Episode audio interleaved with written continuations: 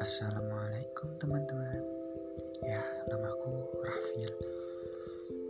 Di podcast ini uh, Aku akan membacakan Atau menirukan karya puisi Seseorang.